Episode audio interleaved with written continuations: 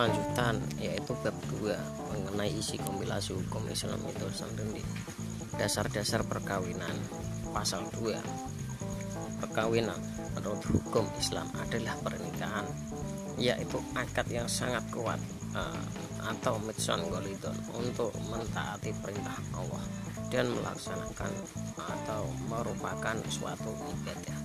Itu pasal kedua yang berisi tentang pengertian atau definisi perkawinan itu sendiri. Pasal ketiga perkawinan bertujuan. Tujuan perkawinan ini untuk mewujudkan kehidupan rumah tangga yang sakinah mawadah warahmah.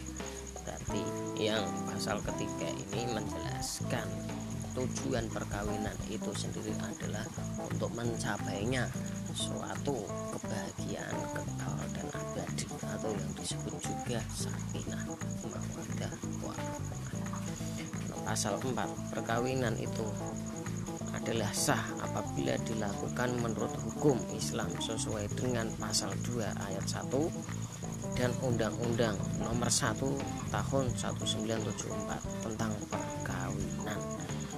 berarti perkawinan ini apa yang dijelaskan ya dalam Undang-Undang Nomor 1 Tahun 1974 tentang perkawinan itu adalah perkawinan sah. Apabila dilakukan dengan sesama orang atau beragama Islam maka perkawinan tersebut dianggap sah sesuai undang-undang berdasarkan nomor 1 tahun 97 atau tahun 1974 tentang perkawinan maka dari itu semua perkawinan itu sudah diatur dan dikelola oleh Undang-Undang 174 perkawinan atau KHI